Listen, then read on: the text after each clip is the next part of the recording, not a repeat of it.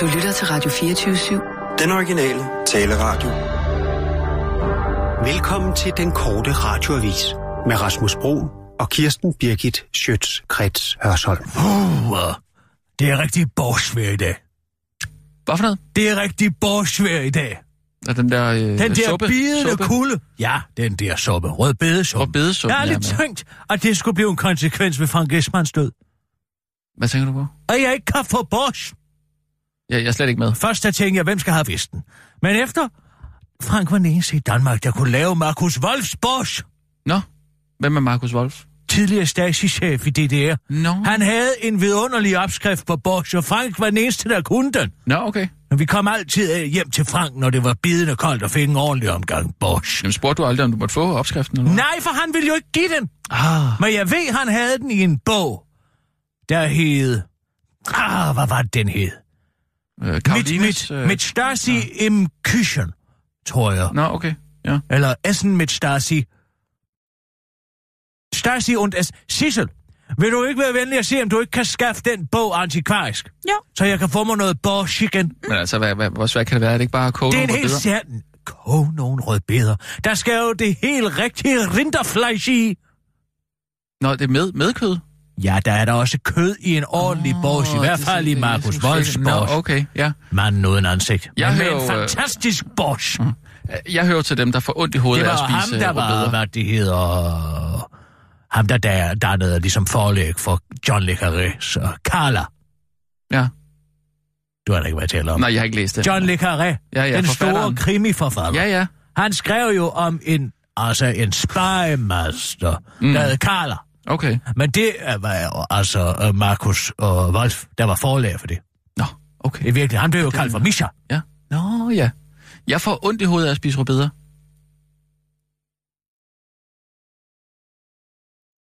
Det er der mange, der gør, tror jeg. Også røde pølser. Jeg, kan, jeg, jeg ved ikke, hvad det er, men det er noget med det røde. Apropos hvad? Øh, rødbeder? Var det, var det det, der var Ja, altså, du snakker om... Øh, fællesnævneren blandt de her to samtaler? jeg Jeg, troede, sidder vi- og fortæller dig om manden uden ansigt, som er den mest underlige boss. Og så siger du, at du får ondt i hovedet af røde beder. ja, fordi vi Hvorfor snakker skal om det altid rødbede. trækkes ned på så et niveau? Jamen, rødbedesuppe. Jamen, jeg, jeg elsker rødbeder, jeg kan Ja, godt lide jeg det, men når jeg om spiser det, så får jeg ondt i hovedet. Jamen, så lad være. Så lad være med det- at spise det. Det gør jeg også, men nogle gange er det, er det svært at lade være. Men jeg, jeg har sagt til mig selv, at jeg skal ikke have borsch, fordi det, det er for meget. Altså, det, det kan jeg simpelthen ikke spise. Hvis jeg spiser en portion af det, så kan de så godt gå ind og lægge mig på sofaen. Jeg får simpelthen for ondt i hovedet af det. Jeg kan spise, jeg kan maks spise to røde pølser. Hvis jeg spiser den tredje, så får jeg ondt i hovedet. er det rød mad? Kan jeg, ikke spise ikke, det rødkål? Prøv, jeg ved ikke. Jo, det kan jeg godt spise. Nå, Jeg aner ikke, jamen hvad det så er. er den onde cirkel jo brudt. Jamen, jeg tror, hvis du lavede en afstemning på Facebook, Nej, Om hvor mange- hold op! Nu skal du ikke sende en eller anden homie til at lave en afstemning til. jamen det er det heller ikke gjort. Det var det dig, der gjorde det. Ja, men det var da dig, der instigerede det med din provokerende adfærd. Vi skal ikke snakke mere om, om Jeg fastelavnsboller. siger bare, vejret i dag er borsvær. Og jeg siger bare, at jeg kan ikke tåle rødbeder, for Nej, jeg men så lad være med at spise det. Men jeg har Jamen, faktisk... det siger jeg jo også, jeg gør. Når man først har smagt gudernes Ambrosius AK, AK, A, Mar- Markus Wolfs Bosch, så mm. kan man ikke vende tilbage til en almindelig Bosch. Nej. Så må du finde Og nu er opskrift. Frank Westman død og har taget opskriften med sig i graven. Og hvad skal vi andre levende så gøre? Jeg forstår ikke, man vil stjæle fra de levende på den måde. Mm, Hvem stjæler? Frank Esman, han kunne da godt lige på sit Nå, dødsleje ja, sige, ja. "Ah, Kirsten Birke skal have min Bosch-opskrift. Ja, men hvis han også skulle finde ud af, hvem der skulle have vesten, så har der været nok at, at sige til, til sidst, ikke? Ja, men han kunne da have lavet den ligge i en lomme i vesten. Mm. Som en lille påskeæg Ja. Til alle os andre. En gave til de levende. I øvrigt, gaver. Frank Jensen. Apropos gaver. Nej, Du skylder- stop, stop, du skylder stop, mig stop. 1000 Du kan godt holde op. 1000 Vi bobs har ikke med talt mit med en autoritet på området. Hvad mener du? Ja, Frank Jensens kone, hun anede jo hverken ud eller ind om øh, sin mands toiletvaner. Overhovedet Jo, det hun jo faktisk. Ja, han går i bad hver morgen. Det kan være idiot, du kommer og sige. Ja, Ikke? og hun vidste også, at han købte nogle er produkter. skyggen- Men, Ja, åh, han lad køb- nu være. Ej, Kirsten, det er simpelthen for meget. Vi må lade en Du har- autoritet på området. Nej, stop nu en gang. Så må vi blive Hvorfor enige er om, at der er... nærig? Jeg er ikke nærig. Jeg vil er. bare gå til bunds i sagen. Finde ud af, hvad der er op og ned i den her hårpragt. Skulle vi nu ikke lave noget altså arbejde? Vi ringer noget? til Tage Fransen. Frisøren? Kan vi blive enige om, at han har en autoritet på området? Og hans ord er lov. Jamen, jeg har jo vundet. Nej, fordi du har kun et anekdotisk vidne, som tilfældigvis er Frank Jensens kone, som ikke aner, hvad han la- laver per lås og slå. Hun kan kun høre fyntøren køre. Ja, men Man hun kan vidste, høre... at han købte nogle produkter. men hun vidste ikke... købte produkter er jo Ja. ikke det samme. Det er jo fordi, han har et svagt sind, der lader sig overtale, han er over i øvrige frisørsælger. Ikke? Og Ja. hvilke produkter bruger du så? Og, og, ja, det er i hvert fald ikke bare mit eget fedtede hår, så jeg bruger noget voks, ikke? Nå, hvad for en voks? Og den, du har stående der. Nå, vil du have sådan en med? Ja, tak. Jeg ved jo godt, hvordan det foregår. Til sådan en mandefrisør. Jeg, jeg aner synes- ikke, hvad jeg skal sige. Det er simpelthen for meget, at du ikke bare kan anerkende, at du har Sissel, tabt et vedmål. ring til det er Fransen. 1000 kroner. Du Nej. har røven fuld af penge. Ved du hvad? Det handler om princip. Ja. Det er en principiel sag. Som der er Ja. præcedens for fremtidige vedmål om hår. Ja, fint nok. Gud, jeg har fået mobil. Yes, it is. Det er Tage Fransen. Goddag, Tage. Det er Kirsten Birgit. Goddag, Kirsten Birken. Forstyrrer jeg dig? Nej, det gør de ikke. Du står vel ikke med hænderne i håret på nogen? Nej, jeg, nej, ikke lige nu, for de, ser- de ser med nogle striber i i øjeblikket. Nå, okay. Prøv at høre. Jeg har et vedmål. Så Ja. jeg skal bruge dig som fagekspert. Ja, Frank Jensen, overborgmesteren. Kender du ham? ja, ja. Det gør Hvad jeg. vil du sige med hans hår? Vil du sige, at han kun føner håret og ikke putter nogen produkter i? Er det det, du vil sige? Nej, det er det ikke. Jeg, jeg, jeg vil sige, at han kommer noget gelé i nogle gange, så han får til at stritte lidt. Nogle gange siger han næbjysk, og du en anden gang. Så altså, nogle gange putter han gelé i. Ja, så ligner han sådan lidt glatkageagtigt. Jamen, det er godt. Tusind Altså, tak skal du have, Tage. Nej, det er hey, fint. Stop lige en. Godt mig ud, Er Sissel. vi Farvel, enige om, at en han god dag. bruger nogle Farvel. produkter? Okay, fint nok. Ja, Ja, farvel, Tage. ja, og det var et ja. Han bruger nogle produkter. Nogle gange kunne det muligvis tænke sig, at han brugte et produkt. Men Tage, som er ekspert på området og har set på hår i snart 60 år, han ved udmærket godt, at Frank Jensen kun føner sit hår. Ja, det og det bare- var jo også det, det, det han bevidnede. Det er bare sjovt, at han, at han først siger nej til, at han kun føner til sit, sit hår. Og så siger han dernæst, at han bruger gelé. Nogle gange. Ej, det lagde du, de ord lagde du i munden på ham. Nej. Din snydepels. være, Du er en snydepels. Det kan være, han slikker på sin hånd, og så kører den igennem håret. Du, Eller på sin kam. hvor- du, han du, går er og så smålig. Du er så smålig. Jeg kan desværre ikke give dig sejren, fordi at den er ikke fuldkommen. Den er fuldkommen. Nej. Jeg bruger for eksempel lak i mit hår hver eneste dag. Der kan man tale om at bruge et produkt. Men hvis det bare Hvis- er hvis det bare en gang gelé, hvis det imellem, bare er gelé. og når der er Jamen, en fuldmåne, gang imellem, og det er der ikke nogen, der har andet år sagt. på køndelmisse, at man lige bruger lidt gelé i håret, som Tage han bevidner, så er jeg jo ingen grund Som til... han bevidner. Du er inde i mit hoved. Kom ud. Du, du har en evne til at vende alt fuldstændig på hovedet. Vi blev enige om en middag til 1000 kroner med snaps, og jeg vil glæde mig til at få... Lad os slå halv skade og sige 500. Så Halv betaler skade, jeg selv jeg- den anden halvdel. Det er det eneste, der er fair. Du har tabt klokkeklart. Jeg, hvordan kan vi komme nærmere det her? Hvordan, altså, skal vi snakke med Frank Jensen selv? Vil det være fint Men nok til dig? Men det kan du, hår. Ja, det kan du også vende Han om, ikke? sidder i... Altså, Rigsrevisionen har jo lige været inde og sige, at øh, hele økonomien i Københavns Kommune er mangelfuld. Tror du, han vil besvare et, et, et spørgsmål om, hvorvidt han putter gelé i sit hår? Nej, det har, sikkert ikke. Det har herre overborgmester der alt for travlt til. Men vi har, Og der er også kun tre måneder vi til har, ja, vi har Frank, Jens, Frank Jensens egen kone, der siger, at ja, han står ud af badet og bruger en føntør. Okay, så kan man så stille spørgsmålstegn Det er jo det eneste, man kan høre igennem døren. Ja, og så siger hun, Man kan jo ikke høre, at nogen hun ved, at han køber nogle produkter. Ja, hun han ved køber dem. Det er ikke det samme som at præcis- bruge dem. Nej. Nå, men kan vi er blive enige om men det? det er mærkeligt, hvis han bliver ved med at købe produkter, uden at bruge nogen Men det af kan dem. jo ikke? være, at det er den samme. Det kan være, Nej, det er den samme ja. fyldte Og så produkt. har du din egen frisør, Tage Fransen, der, der siger som det første, nej, han bruger ikke kun føntør. Han har nogle produkter. Nogle gange han har kan noget det gelé. være. Åh, det, det er noget, du lægger i munden på ham, og så siger han, ja, nogle gange ja. Sissel, hvordan oplevede du det? Jamen... Øhm, Kom nu, Sissel, for en gang skyld, bare sig det, som du ser det. jamen, altså, det er jo ikke, det er jo ikke Tage Fransen, der klipper. Nej, nej, hey, hey. Men, Nej, nej, men, det, nej, nej!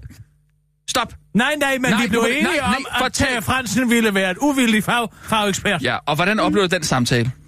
Lad være med at snakke om, om hvem der klipper øh, Frank Jensen.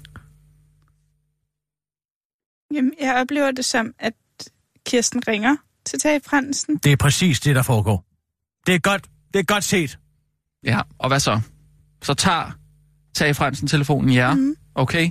Og han har lige puttet striber i nogen, Ja, tror jeg. ja, ja. Præcis, det er præcis det, han siger. Men hun har jo fuldstændig ret. Ja, videre. Det er også rigtigt. Jeg giver, jeg giver hende også ret. Nej, du står og betvivler Nej, det det gør jeg ikke. Jeg, med dit kropsprog. Med armene over kors. Okay. Her forhørsleder. Det kan være, at du kan lave Markus Wolfsborg. hvad sker der så, Sissel? Jamen, så taler jeg lidt om Frank Jensens hår, Præcis. Mhm. og, Og så bliver der lagt på. Ja, Kirsten, det er nemlig det, der sker. Sissel, Kirsten spørger, om Frank Jensen bruger noget af sit hår. Mm. Ja, siger han. Han bruger gelé. Nogle gange, han men det er jo sikkert bare på Ikke nogen gange. pressebilleder. Ah, ah, ah, ah. Han siger ikke nogen gange. Det er Kirsten, der gør Nej, det. han siger nogle gange. Nej, det, det, det Nu passer for simpelthen dig. Sikke en manipulator. Men man kan jo godt blive forvirret af at, altså, at indånde dampene fra det der hårfarve. Nej, Så det svarede kan man ikke. Har vi optaget det her? Har vi optaget den her samtale? Nej. Hvorfor? Hvorfor skulle vi gøre det? Ja, du skal da optage alle telefonsamtaler. Det gør vi da altid. Det Vi skulle bliver desværre nødt til at tage nogle nyheder. Tiden flyver, tiden flyver. Okay, fint nok. Vi slår halv skade. Godt. Ja, fint. Nå, lad os så komme i gang med arbejdet.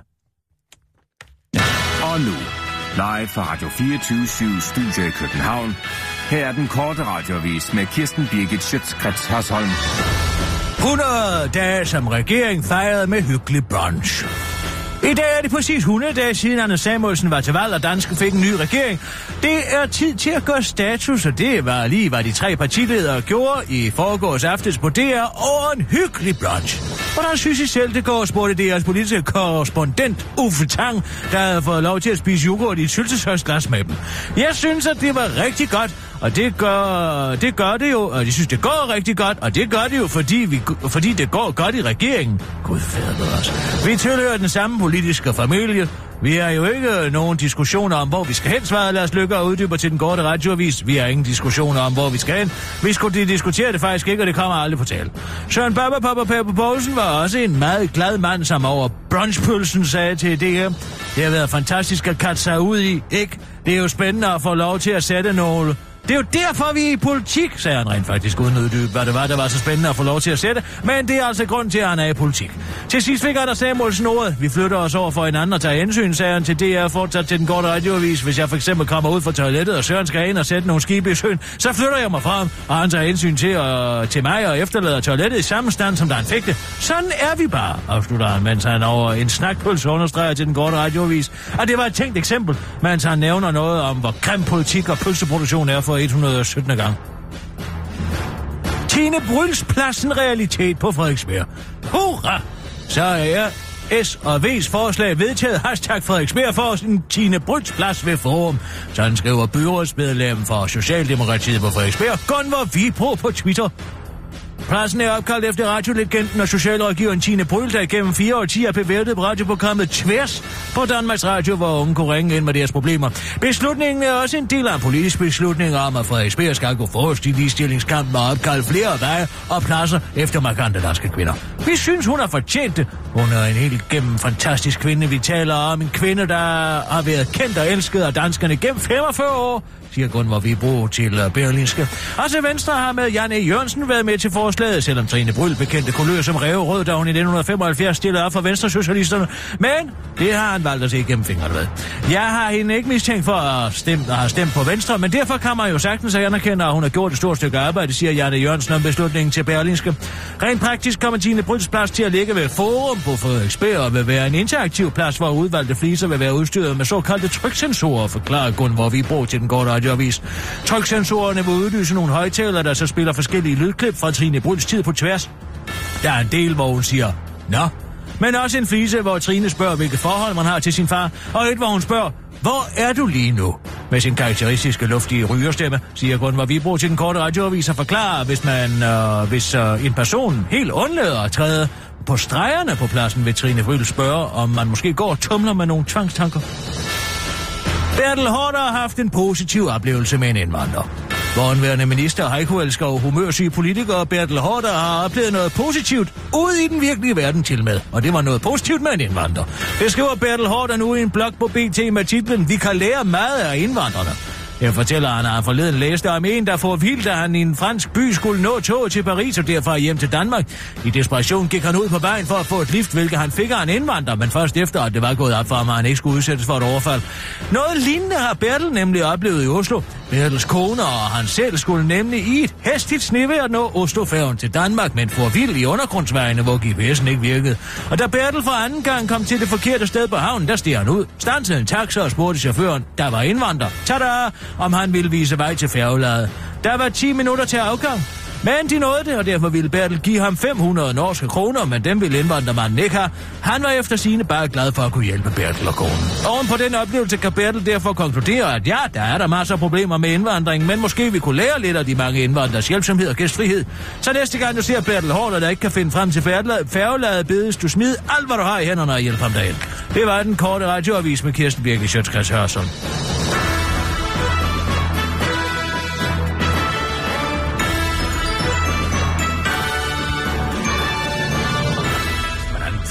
Nedladende tilgang til indvandrere, han har, Bertel. Nedladende? Hvad er det for noget?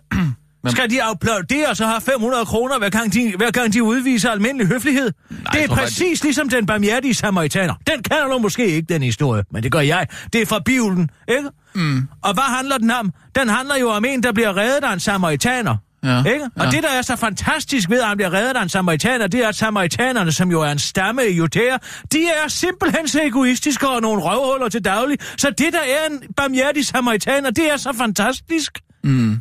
Det er sgu da latent racisme.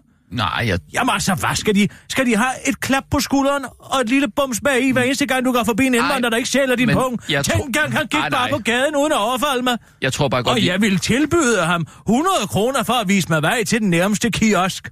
Men det ville han ikke have. Nej, for det skulle da helt unormalt at modtage penge for at hjælpe andre mennesker. Med sådan en bagatel. Det er jo ikke, fordi han har bedt ham om at hjælpe, hjælpe sig med at flytte ned fra fjerde sal. Vel? Nej, men jeg, jeg synes også bare, det... Nej, men det er jeg der tror ikke til at holde ud at høre på. Hvis de skal rose sådan hver eneste gang, de bare optræder til nærmelsesvis som et fungerende medlem af samfundet, så er det da klart, at de aldrig bliver integreret. Ja, så, så kan man selvfølgelig også se på det, men, men altså, det er måske bare lige et spørgsmål om, man lige... Det er at man lige rigtig tænker- gammel hvidmandsracisme, det der.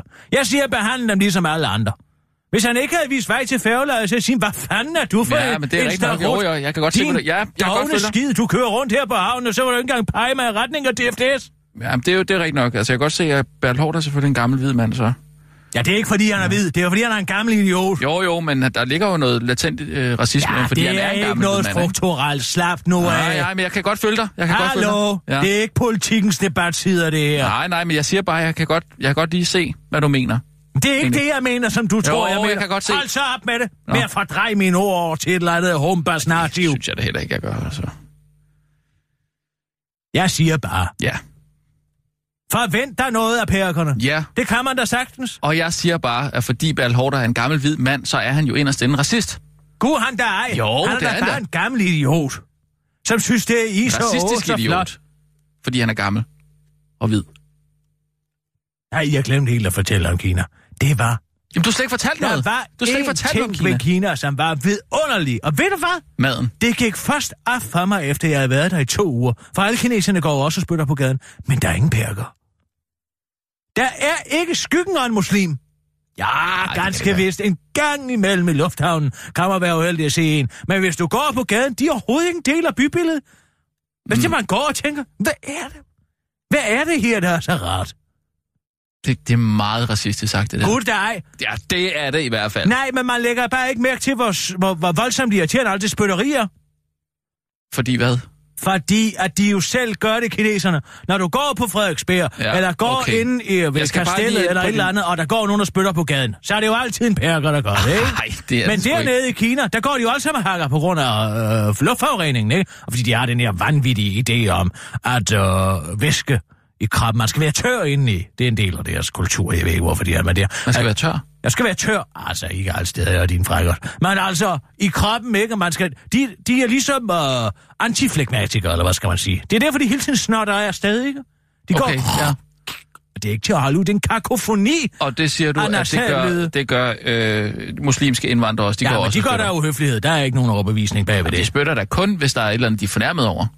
De går og spytter, de Nej. går nærmest og savler ned ad Nej, nej, vejen. jamen, så er, det fordi, de er, jamen, så er det fordi, de er blevet fornærmet på dig, fordi du har gjort et eller andet.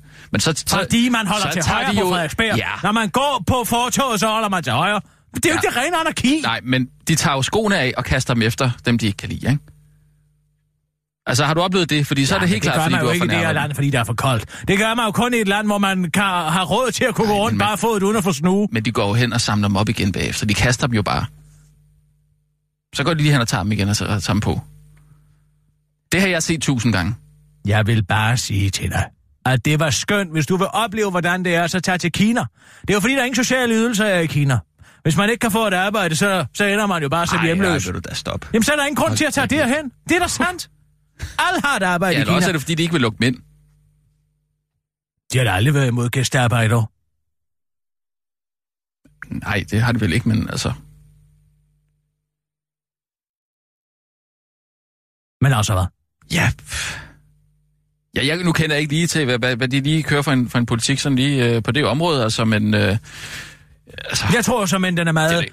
kanadisk. Ligesom din gode ven Justin Trudeau. den er meget kendt, ja. Han tager jo heller ikke nogen ind, han ikke kan bruge til nogen. Jeg kan bare ikke helt... Jeg, jeg, jeg, Og ingen enlige mænd. Ja, Kun familier. ja, ja det, det, det slår mig bare, at man kan være så racistisk, altså, at... Øh, altså, og så, og så slippe afsted med det på en eller anden måde. Jeg har den Du første siger- Jens Gårdbo. Hvad? Jeg har den første Jens Gårdbo her. Ja, det var det, vi ikke nåede i går. Hvad, prøv lige at fortælle mig, hvad er det, det går ud på? Fordi jeg, jeg snakkede lige med Michael om det, og han synes altså, måske... Jens Gårdbo, at- han er vores tidens Nostradamus. Ja, nu tager jeg lige Han- det her først. Jeg, jeg talte lige med Michael om det, og øh, altså, der kan jo godt være lidt forvirring i det for lytterne, fordi han også er på BT jo. Det er jo ikke så godt, hvis Det er man... også Berlingske Medier. Ja, men altså Radio 24 og der altså, Vi får det billigt. Vi skal kun betale ja, en meget lille mere udgift. der, det er fordi, hvis han allerede udkommer altså, der med klummer, her. De og her så skal han have en klumme her også. Man må det, hænge ved den mands læber.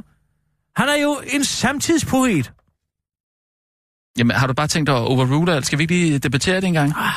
Det er bedre at bede om tilgivelse end tilladelse. To minutter med gårdbo, ikke? Et par minutter med gårdbo hedder det. Det er jo ikke fordi en Hedder hel, det det? en hel eftermiddag med gårdbo. To minutter? Et par minutter. Okay, og hvad er det, hvad er det han kan? Man prøver at høre den her. Ja.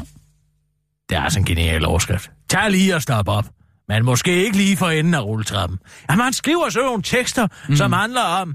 Det er nogle dagligdags betragtninger, men det er nogle store betragtninger, som... Altså, han tager i virkeligheden et mikrokosmos fra sit eget og blæser det op til et makrokosmos, siger sådan Ja, ja, samfundet i dag, og det er skide godt ramt. Og hvad Det er bruger han, bruger han sin kendthed i det, eller hvad?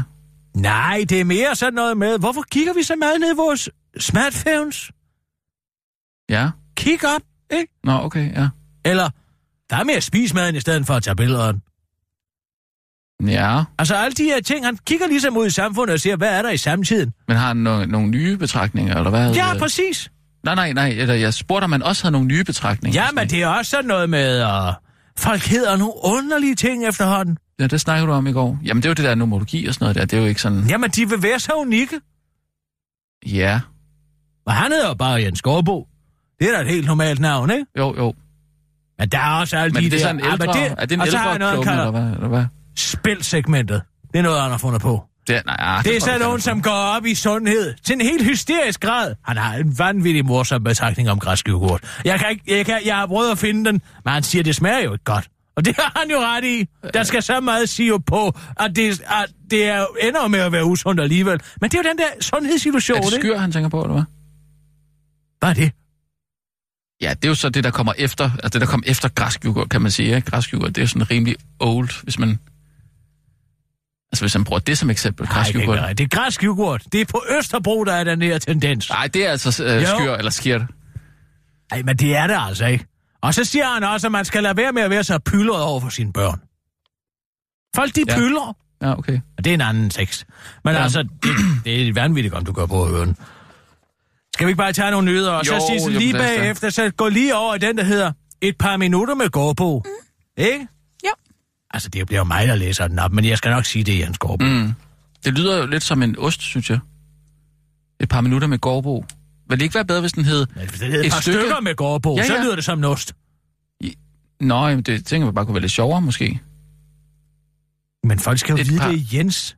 Det er jo Jens Nå, Gårdbo. jamen, så et stykke med Jens Gårdbo. Ej, det må du holde op. Det er jo hverken fugl eller fisk. Folk Så- ved jo så- godt, hvem Jens Gårdbo er. Ja, og hvad så? Ja, og hvad så? Men det var bare sådan et ordspil. Altså et par minutter med... et par minutter et med, par stykker et med par Jens minutter Skovbo. med, med Gårdbo, det er bedre. Ja, okay. Nå, så Cecil, du kører. fint. Og nu, live fra Radio 24 Studio i København. Her er den korte radiovis med Kirsten Birgit Schøtzgrads Hasholm.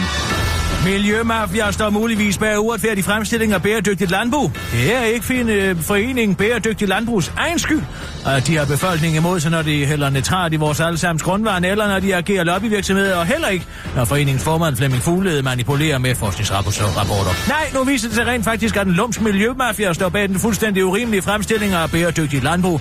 Det mener foreningen Bæredygtigt Landbrug i hvert fald selv. Ja, der er faktisk tale om en direkte forfølgelse fra foreningens modstandere, viser det sig.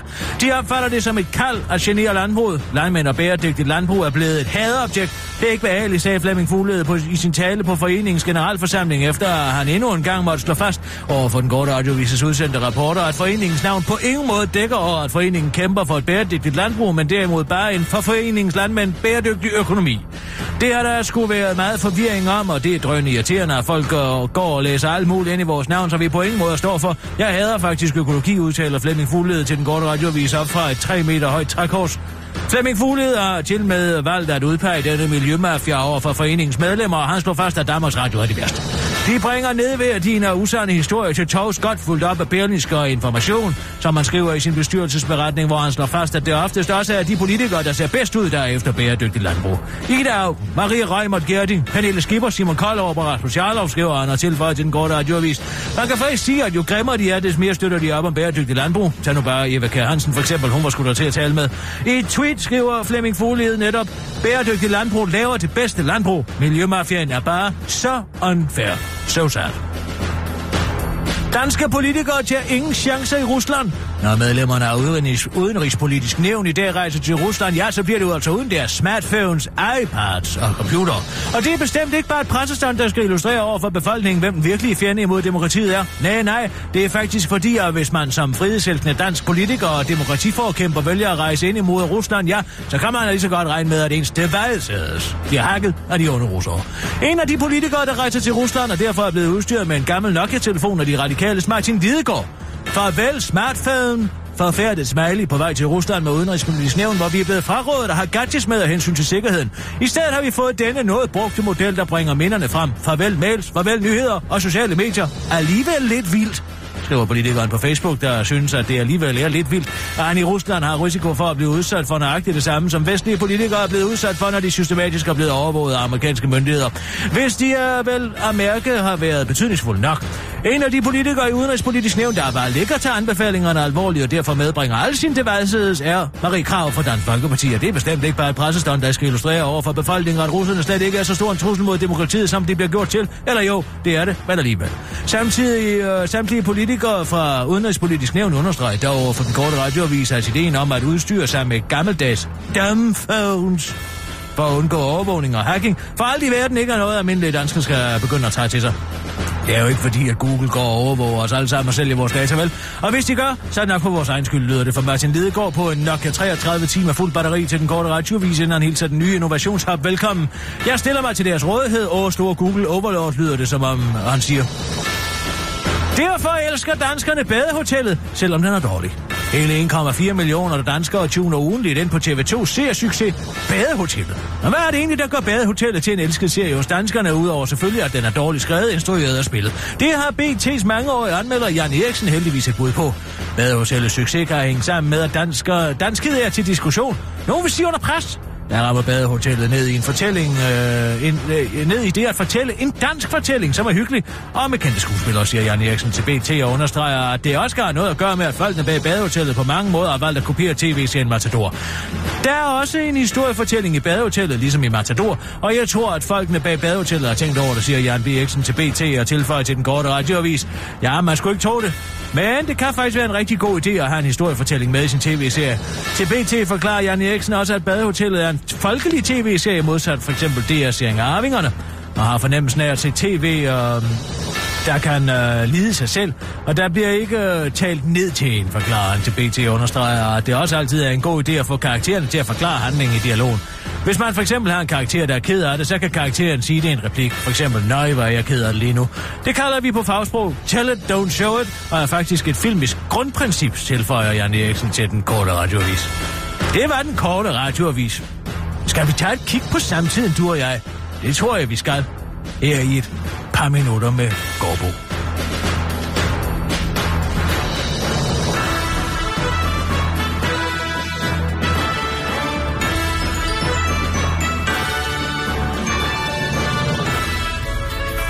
Et par minutter med Gårdbo. Tag lige og stop op. Man måske ikke lige for enden af rulletrappen. Hvis jeg nu skal være helt ærlig, så er jeg nok ikke den helt rigtige til at sige det her. Men det er altså vigtigt at stoppe op en gang imellem. Stop op og mærk efter. Vi lever i en travl tid, hvor vi med mobiltelefon i den ene hånd og en takeaway croissant i den anden konstant er på vej et sted hen. Og i et hastigt tempo til med. Der skal tjekkes e-mails og tages stilling til tusinde ting. Beslutninger skal tages, og i et rasende tempo til med, som de færreste af os har svært ved at holde, uden at få sved på banden. Jeg har i hvert fald. Sådan en dag havde jeg i fredags. Eller skulle jeg måske sige, sådan en dag havde jeg endnu en gang i fredags. Her sad jeg i mit ansigts fodsved midt i et larmende, eller i hvad der for nogen sikkert måtte være et livligt vibrerende storrumskontor, og forsøgte som en gal at nå al min vigtige gørmål. Man fristes nærmest til at spørge, for hvis skyld er det egentlig, vi arbejder så hårdt? Er det i det hele taget for vores egen? Misforstå mig nu ikke. Jeg er lykkelig gift med mit arbejde, der til med økonomisk kan understøtte mig og min kone store interesse for Toskana.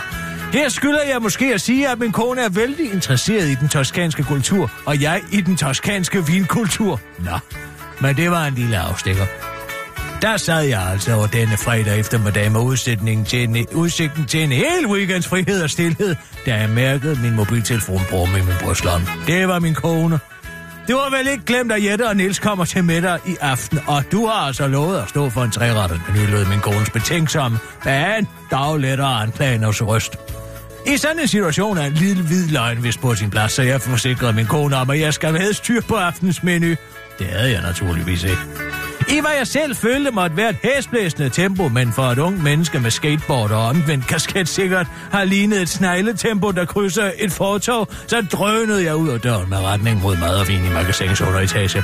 Her var det så, det pludselig slog mig, og det jeg havde gang i, det var skruen uden Hvorfor stiller vi dog så store krav til os selv, tænkte jeg og stoppede op. Hvorfor skal vi så gøre skynde os sådan med at komme hjem og hygge, tænkte jeg. Hvorfor ikke bare lave en omgang koteletter i fad?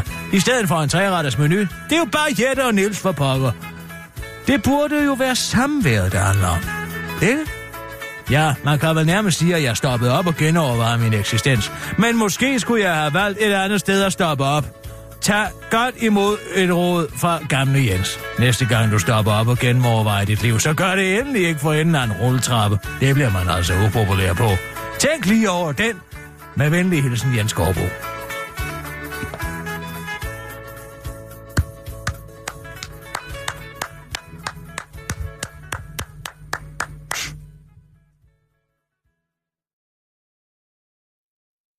S- Skal jeg sige noget, eller? Nej, Nå, okay, nej.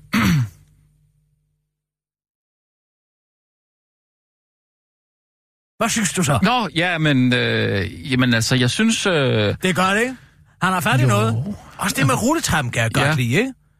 Det der med, man står... Det er et fantastisk syn på at forestille dig lige nede i underetagen der i magasinet nede ved Ja, ja. Der står Jens Skovbo. Åh, oh, det er jo bare Niels og Jette, ikke? Hvorfor laver vi ikke bare godt lidt af fad? Det er skide godt. og sådan, jamen, han bruger sig selv på en eller anden måde, ikke? Han, han, Jamen, han, han er meget bruger, sig- det er meget modigt. Meget Jeg synes, det er modigt, at han bruger sig selv så Ja, meget. ja. Også konen, der er meget klapset af med inden først, for ellers så er det... Så tror jeg, der venter ham en kedelig onsdag aften, når han kommer hjem. Mm, jo. Det er også meget, altså, man får lidt et indblik i, hvordan deres forhold er. bare vi kan jeg godt fortælle dig. Så konen kan jo godt være, at konen er ligeglad med det. Ja, det plejer du at sige. Ah, det er meget voldsomt. Det, hvorfor skal du sige det hver eneste gang? Hvad mener du? Nå, det er bare fordi, hver gang du nævner Jens Skorbo, så siger du, at han har en ordentlig... Men det har han jo. Ja, ja. Det er da ikke alle, der går og ved det. Nej, nej, men jeg ved du godt, du har for, fortalt mig det. Hvad laver du? Sådan der. Sådan siger den, når han ligger den på bordet. Ja. Jamen, det, det er da dejligt for ham. Og konen. Jeg synes, det var lidt gammelfaragtigt. Okay, så er det sagt. Hvad? Ja, okay, så er Hold det sagt. op. Ja. Det er bare fordi, du overhovedet ikke er med på noderne, du. Du er præcis sådan en med omvendt kasket og skateboard, som ja. ser på Jens Gårdbo. Det er jo sådan en. Det er jo sådan Nej. en, han kritiserer. Ja, Ja, ja. ja. Jamen- Sådan en er du. Nej, nej, jamen så lad os da blive ved med det, hvis det er, hvis det er så godt. Du er altid på tværs. Det var fordi, det ikke var dig, der fik ideen. Du er en rigtig DR-redaktør. Sådan en, man skal lægge ordene i munden på, så du føler, at du selv har fået ideen.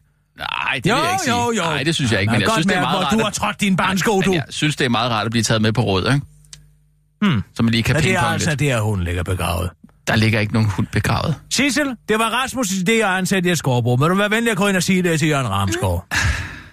Fint, jeg er da ligeglad. Jeg synes da bare, det skal ud. Men hvis du vil tage æren for Nej, det, så men det er gør jo det ikke, fordi vi skal gå Sissel, og fortælle, hvem der har fået ideen. ind og hent Jørgen og send ham herind. Ja. Jamen altså hvad? Vil du fortælle Jørgen, at du har fået en god idé? Gå ind og hent ham! Jeg er på vej. Men altså, ja, den skal jeg da ikke tage æren for. Jo, den jo, jo, gør det nu bare. Hvis det kan øh, begrave den her ufred, så synes jeg endelig, at vi bare skal sige, at det var dig, der fik idéen. Det er jo ikke det, det handler om, men altså, jeg kan da godt tage æren for det, hvis det endelig er. Ja, men det er godt. Er der noget andet, jeg skal tage æren for så? Nej, det er for Gud, der ikke er. Hvad fanden skulle det være? Det, det ved jeg ikke. øh, Det, så det er satirsdag jo. Jeg, det kunne jeg jo tage æren for. Nej, det er mig, der har skrevet sig tirsdag. Ja, det ved jeg godt, men det er jo heller ikke mig, der har fundet på Jens Skovbo. Nej. Men det er min. Så tirsdag er min. Ja. Morten er i Lapland. Har du haft fortalt dig det? Nej, det, men det hørte jeg i øh, det, vi taler om. Hvad? Det var da satans! Man kan da heller ikke sige noget til nogen som helst, altså, uden at det kommer ud mellem er sidebenene. Morten Messersmith, vi taler om. Ja! Ja, han er taget til Lapland. Det der, mand, det er sjov. Ja, men bare roligt. Altså, hun nåede ikke at fortælle noget, så blev hun afbrudt. De snakker i munden på hinanden hele tiden det program. Øh, er det er ikke altså til at holde i ud at på. Hvad? Han er i Lapland. Han er i. Lapland, ja, det sagde hun også. Men hvad laver han der? Det er der jo ingen, der ved. Jo, jo, jeg ved det godt. Ved du det? Han overvejer at blive skolelærer. Det har han skrevet en sms til mig. Jamen, jeg aner ikke, det stod så galt til. Morten Messersmith overvejer at blive skolelærer. Ja! Hvad? Hvad skal han undervise i? Ah, han kan selvfølgelig undervise i alt, der er bortset fra idræt. Ah, han vil jo være glimrende i, i enologi, Ja. ikke? Enologi og, og forfatningsret. Det kan han jo undervise i. Har man det jeg, stadig det de jeg, fag? man har, nej, det har man da ikke. Nå. Men altså, der, der er jo... Der er skader jo at komme ud af 9. klasse og vide lidt om Bourgogne. Vel, Nej. men det er han jo alt for overkvalificeret til. i- i Jamen, Lapland? han finder sig selv. Jamen, hvor lang tid kan det tage? Der er også en Santa Park deroppe. Jeg ved ikke, om det er Hvem noget, der betaler? virker. Hvem betaler? Jamen, det gør han vel selv. Eller Nej. Nej. måske, hvad jeg ved det ikke. Jeg Tror ved ikke, hvad der betaler. betaler? Tror du det? Tror du ikke DF? Men mens han går rundt deroppe. Hvorfor skal der blive arm? Og så også, når man i forvejen har et depressionsskæg, og så tager et sted hen Jamen- nord for Polarcirklen, Jamen- hvor der er så mørkt om vinteren, og helt uden Bosch. Jamen, har Altså, hvad skal han da leve af deroppe? Jamen, han kan få en kop renblod. Det er, hvad de har deroppe at spise. De spiser jo ikke andet end en dyreblod. Jamen, hvad, hvad Det er I... jo derfor, de har så dårlig hud, samerne. Mm. De har dårlig hud og dårlig lever. Ja. Det er jo alle de affaldsstoffer, der er i Ja, reglerne. ja, men hvad, hvad siger han? Altså, jeg skrev sammen. Jamen, han siger jo ikke andet end, jeg er i Lapland. Jeg fik en underlig besked. Jeg, Jeg, jeg er i Lapland. Jeg vil, jeg vil være skolelærer. Nej, jeg siger, hvad i verden laver deroppe? "Jamen, Jeg har overvejet at blive skolelærer. Hvad, siger jeg så? Ja. Ja. Hvad med, hvad? Du kan ikke være i Lapland. Der, der er ikke noget vin. Og hvad skal Der han er ikke noget vin i Lapland. Hvad skal han så? Nej, det går nok. Hvad? Jeg sagde også til ham. Nu må du også tænke på Jensen. Hvad med ham? Jensen. Søren Jensen. Hans, Hans assistent. Hans hund. Sorry, undskyld. Jeg tror, Nej. det var Jensen, det var, jeg tænkte på... Ham, øh, den trine homofile, som var hans assistent nede i, i Bruxelles. Husker da nok Jensen. ja, det var ham, der Venstremand. viste os rundt der. Ja, Ja, ja, ja. men han render jo rundt som en herreløs hund nede i Bruxelles. Det ene, han har, det er at kigge ind i, i Vistensens dorske øjne. Altså, det er jo ikke noget liv, når man har haft Morten smidt og spare med, og de har siddet og, og læst ovide på latin, og slået hinanden over hænderne, når de har lavet fejlagtige akkusative bøjelser på latin, ikke? Og så sidder man og klor ind i ansigtet på Vist.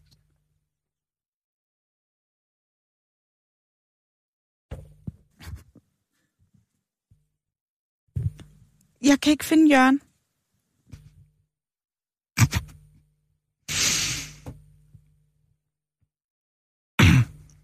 Jeg fortæller om det på et andet tidspunkt, Signe. Jamen,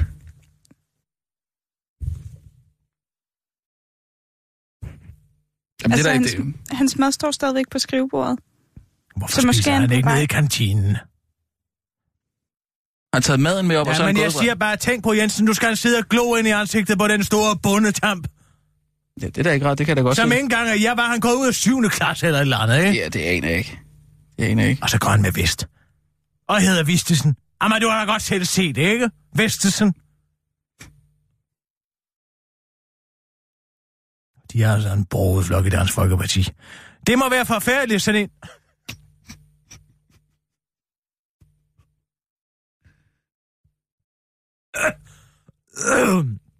Det er jo lotteri, hvad man får. Ikke? Jo. Man kan gå direkte fra Morten Messerschmidt, der har læst alt fra Iliaden til Baudelaire, og så kommer man ind, og så bum, goddag, Anders Vistesen. Hvorfor sidder du og tykker på en terning?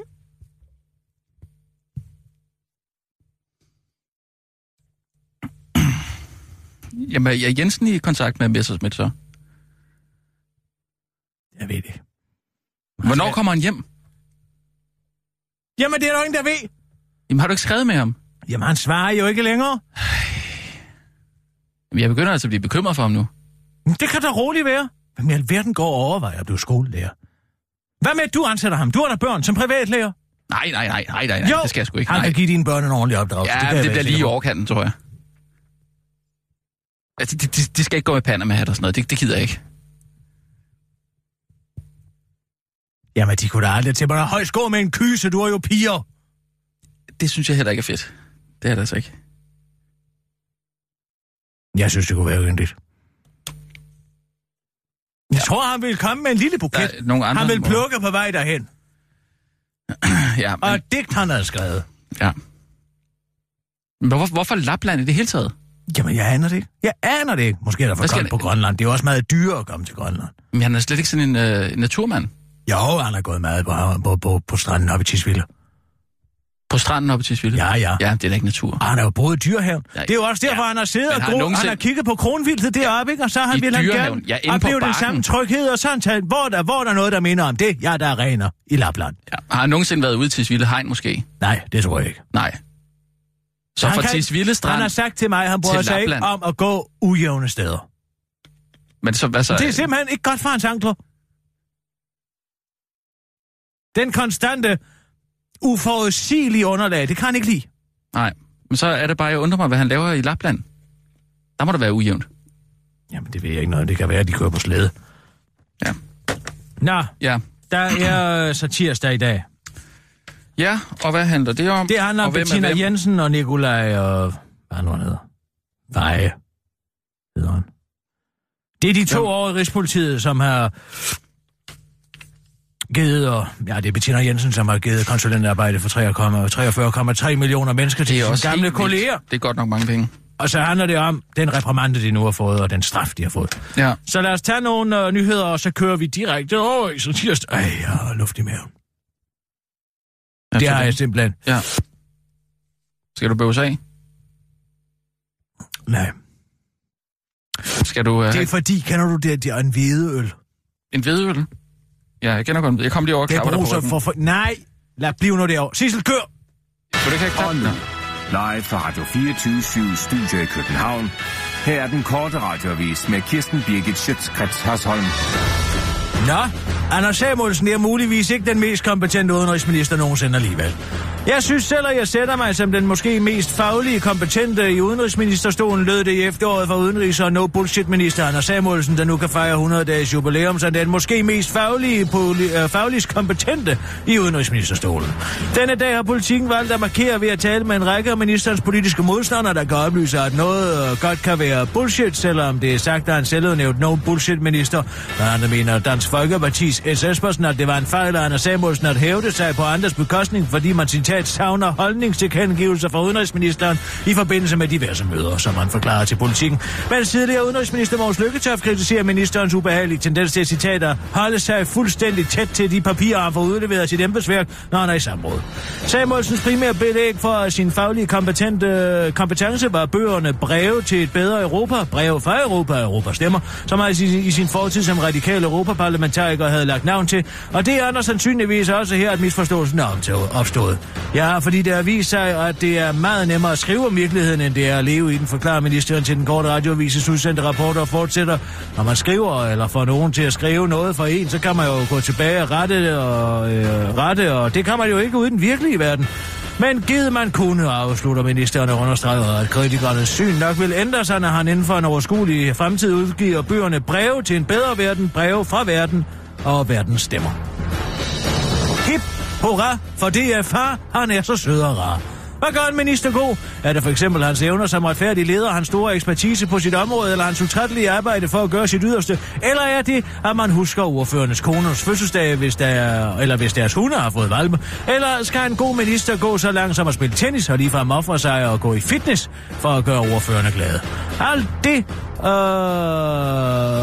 hvor du er en sød og rar kollega, hvis du spørger øh, Dansk Folkepartis næstformand, Niels Espersen. Det er i hvert fald sådan en minister, han ville have været, hvis han havde fået lov og ikke var blevet taget for givet. Det er nemlig, hvad ministerne gør nu. De ser ham slet ikke som den, han er, men bare et stykke kød med en stemme. Til Berlinske udtaler han, jeg har aldrig været minister, og er sikkert også blevet for gammel til nogensinde at blive det, men hvis jeg blev det, så ville jeg være så utrolig flink og sød og rar over for de ordfører, øh, der skulle stemme for mine ting. Der ville ikke være grænser. Jeg vil huske deres koners fødselsdag, og når deres hunde havde fået valpe. Jeg vil også spille tennis med nogle af dem. Måske vil jeg lige frem gå til fitness med dem, sagde Sespersen rent faktisk.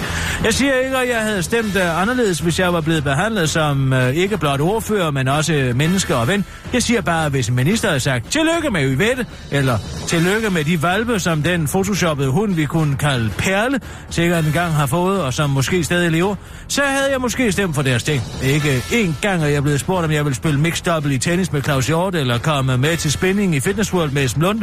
Altså, jeg jeg vil gerne, øh, jeg vil virkelig have hadet det, men jeg ville sgu gerne have haft budet. Afslutter S. Altså Espersen til den korte radioavis, mens han bytter rundt på møblerne i det Lego-ministerkontor, han har bygget.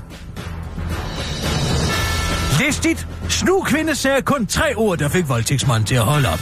Da en ældre kvinde blev overfaldet i sit eget hjem, af en voldtægtsforbryder tænkte hun hurtigt og sagde tre år, der fik manden til at tage flugten i stedet, skriver Dagens DK, og mener nok ord i stedet for år. Sagen er nemlig den, at den 88-årige kvinde Helen Reynolds fra staten Pennsylvania blev voldtaget, efter hun havde lukket en mand ind i sin lejlighed, der påstod at være hendes visevært, der gerne ville have et glas vand. Manden viste sig dog at være en 17-årig voldtægtsforbryder, der gerne ville voldtage.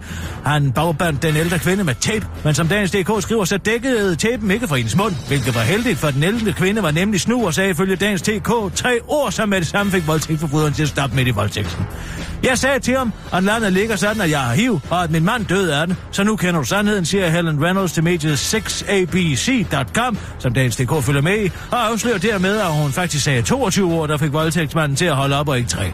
Ifølge voldtægtsekspert og hashtag aldrig din skyld, hashtag bestyrer Rasmus Brygger, kunne Henry Reynolds det godt have nøjes med tre ord for at få manden til at holde ind. Hun kunne bare have sagt, jeg er 88, siger suffragetten Rasmus, Rasmus Brygger til den korte radioavis. Det var den korte radioavis, men det er jo tirsdag i dag, det står der i hvert fald på kalenderen, så... Øh, ja, det kommer helt animeret nu.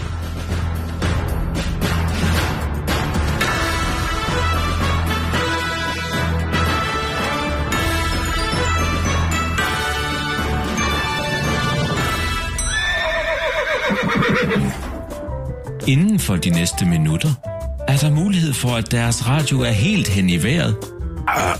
Det er altså ikke deres radio, der er noget i vejen med, men hele Danmarks Radio. 24 /7.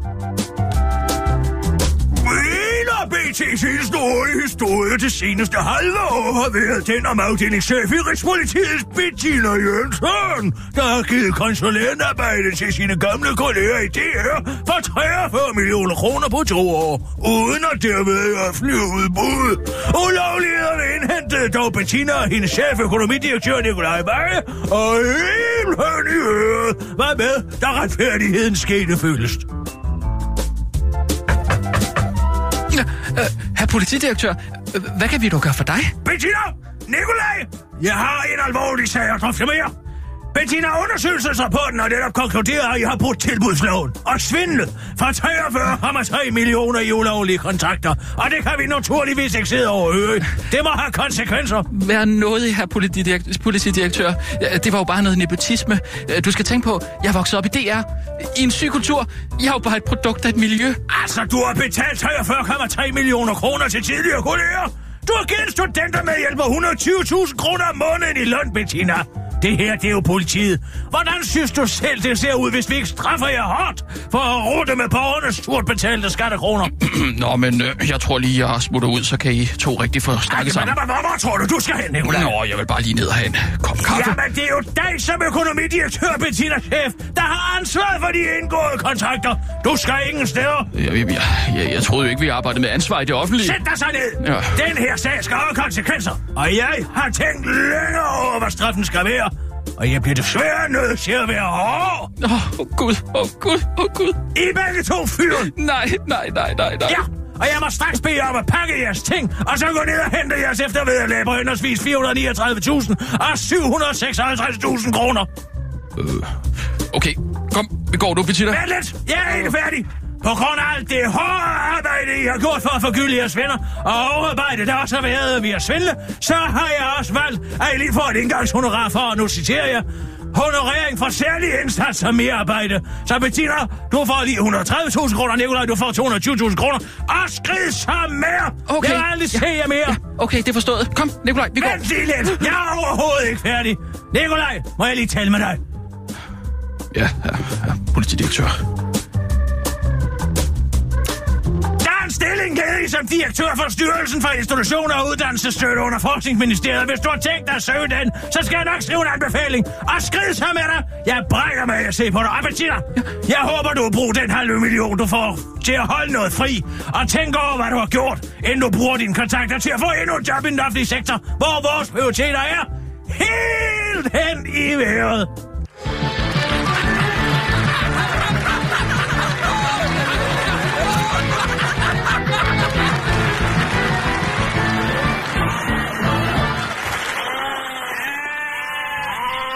Oh, der var energi på, hva'? Uh, det er som at løbe maraton og lave satire. Altså, man skal bruge så meget energi. Mm. Sissel, mm? vil du gå ned og lave en Singapore-sling til mig? Ja, det kan jeg tro. Jeg skal have nogle elektrolytter. Hvad er det her? Det er en cocktail. Hvad er der i den? Masser af søde sager. Nå?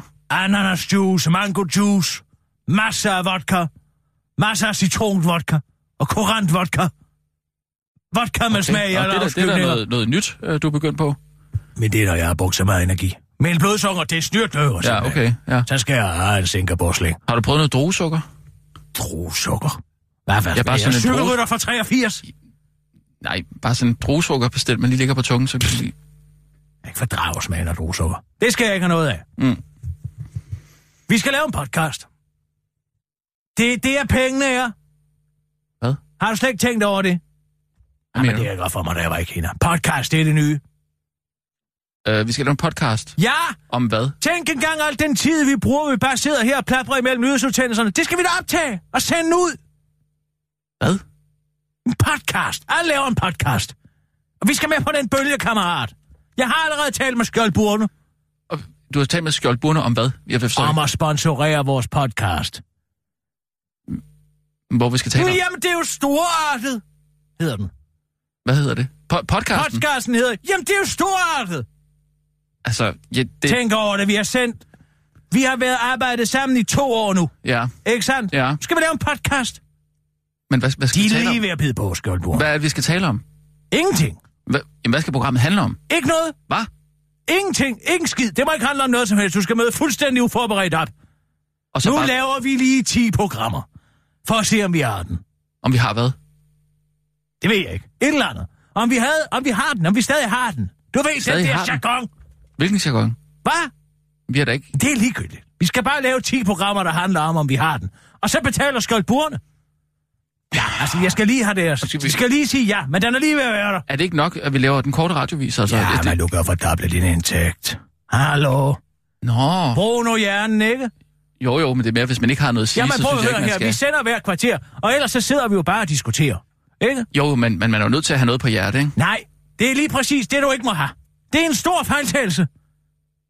Du må ikke ikke have noget som helst på hjertet. Okay, øh, hvad du, du, prøver du at sige, at der er nogen, der vil, vil, vil høre Hvis du en tager en podcast? chili med, Jeg tager en chili med? Ja. i den første, hvor vi ser, om vi stadig har den. Jamen, det kan jeg godt. På et jeg kan godt tage en tidspunkt, så, chili med. spiser, så kan du spise den chili.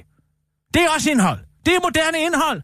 De spiser Spise en chili? Ja, ja, men jeg kan godt spise en chili. Det vil være, det vil være fint. Ja, Ja, det er eller et okay. eller andet drik. Men så sker der jo også Drik noget, et ikke? glas pis eller et eller andet. Hvad? Jamen, det er sådan noget, man gør for at lave indhold. Ja, altså jeg Ej, kan... det kan godt være, du ikke skal gøre det først. Vi skal lige have skjoldt burene med. Men altså, når skjoldt burene først skriver under på checken, Mm. så kører det, kammerat. Og så laver vi nogle programmer, hvor vi finder ud af, om vi har... Ja, så stopper vi lige op til, når der sendes så nyheder, ikke? Ja, ja. Men ellers så er det bare... Løs dig fast. Det skal ikke handle om noget. Jamen, jeg vil godt prøve at give det skud. men Jeg synes, det lyder det langt er ude. Altså, 2017, jeg det synes, kan det, jeg godt det, dig lyder, det lyder sgu langt